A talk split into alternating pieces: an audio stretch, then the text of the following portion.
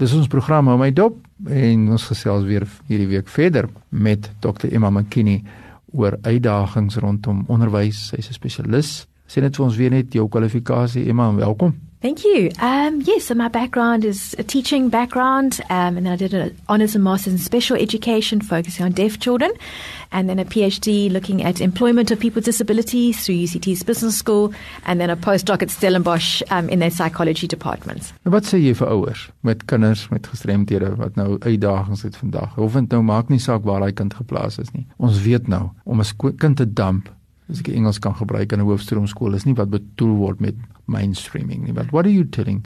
What is your message before we carry on with our discussions. And for me, I'm also a person with a disability, but I'm also, my child has a disability. He's got a neurological condition called Tourette's syndrome. Yeah. Um, so he has what we call tics. So you get a vocal tic, or um, his arm could move, or his head could nod, or he could say something, sometimes inappropriate. And for me, as a mommy, it's really important. We want to, our best interests are with our child.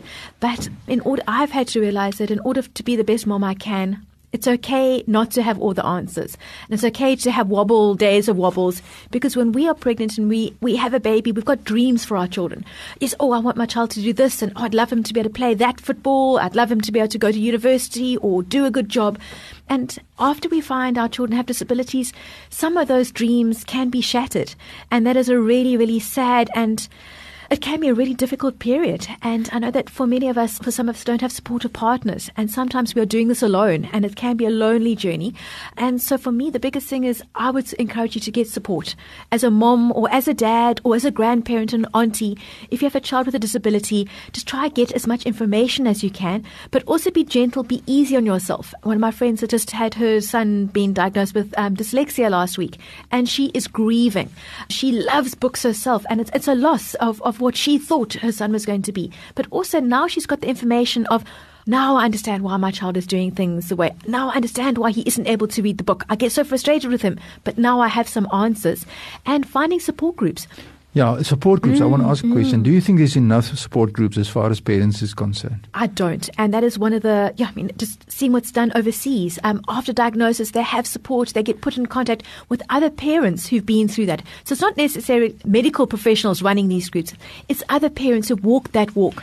Um, yeah, it's so important because yeah. they live with the experiences. And they, they call it peer support. Mm, and that's so mm. important that we as persons with disabilities ourselves yeah. and parents with children with disabilities must yeah. make sure that we also come forward. Ja. So as hoop daar beroep op u kan doen, kom asseblief na vore vind uit of daar wel 'n ondersteuningsgroep is vir u mm. tipe vorm van gestremdheid wat die kind mag hê of selfs as volwassene mag beleef in terme van vyf verskillende forme van gestremdheid. Ons wil nie mense in bokse sit nie, maar die feit van die saak is ons moet aanvaar wat is ons kliniese analise?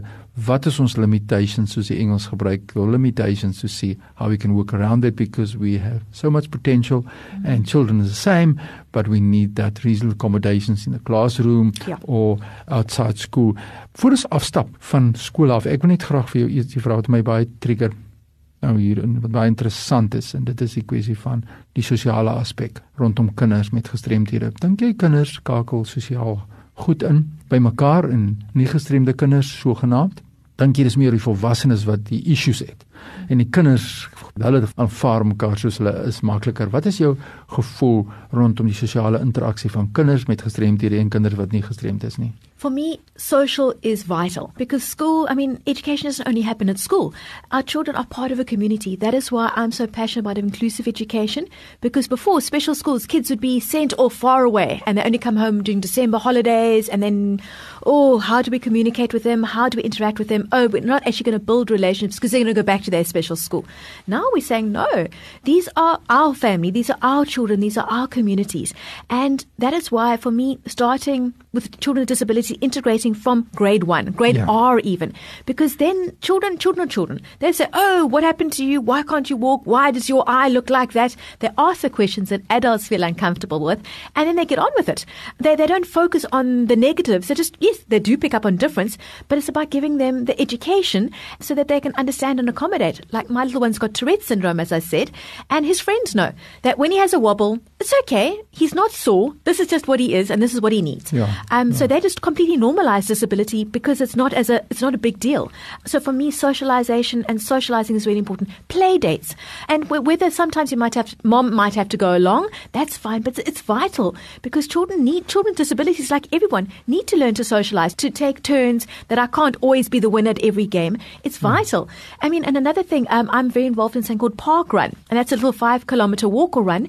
We are making big effort to have um, parents bring their children with disabilities out. Even if you do one lap, just get out. It's, it's such a wonderful outing, and just people are really, yeah, just seeing the benefit of pe- having people out, enjoying it like you would with everybody else. Dis Dr. Emma McKinney wat so lekker gesels in ons program. Jy kan sommer hoor jy kan hy passie voel. Iemand wat self 'n persoon is met 'n gestremdheid, 'n mamma van 'n kind met 'n gestremdheid en soos ons nou beroep op die gedoen het. Dus kom na vore, maak nie saak watter vorme van verlies daar is nie of daar 'n gestremdheid daar is nie, daar is sekere beperkings en ons gaan daaroor gesels in die volgende week se program. En voor ek nou vir jou vra om jou kontakbesonderhede weer vir ons deur te gee, Emma, kan ek net sê daar is 'n groot verskil soms tussen mense wat so gebore is en mense wat mm. later gestremd geraak het en dit is 'n hoorke impak op 'n mens se persoonlikheid ja. net so laaste woordjie of 'n mens se uitkyk op die lewe in jou geval wat is jou persepsie daaroor Yeah, huge chalk and cheese. Uh, many of us who are born with disabilities come up with their own coping strategies over time, and it's it's a big adjustment. If you acquire a disability, it's a big adjustment because do you suddenly still fit in the society that you were brought up in? Yeah, um, so yeah, huge differences, and lots of support are needed on both sides. Okay, nou dit is nou die mening van uh, Dr Emma McKinney. Volgende week gaan ons 'n bietjie gesels oor die invloed hoe ons nou die verantwoordelikheid aanvaar van gestremdheid. En veral ook met ons kinders. En uh, wat is jou menings daaroor? En dan gaan ons kyk uh, hoe kan ons rondom dit bou? Soos jy sê ons word geboelie met die term normaliteit. Mm -hmm. wat is normaal? Ons het sekere norme wat ons stel wat ons beskou as normaal. En dan praat ons van kinders. Ek sê altyd die voorbeeld van ons praat van kinders in 'n normale skole en kinders wat in kinders se skole met vir kinders met gestremthede is nou so die kinders wat in 'n skool vir gestremthede is is nou nie normaal nie. Daai tipe van boelie wat ons dan nou het onbewustelik in die gemeenskap ons gevolgweek vir daaroor gesels jou telefoonnommer net deur Dr McKinney. Sure it's 0833 479-374-0833-479-374 email emma at disabilityincluded.co.za Nou dis die kontak besonderhede van Dr Emma McKinney volgende week gesels ons 'n bietjie oor wat moet hoe moet ons verantwoordelikheid aanvaar vir ons gestremdheid en hoe kan ons tot volle vermoë ontwikkel want ons het so baie om te bied. My e-pos is fani.dt by mweb.co.za. Stuur vir lank jou vrae vir ons deur oor die kindergestremdheid. Volgende week gesels ons verder.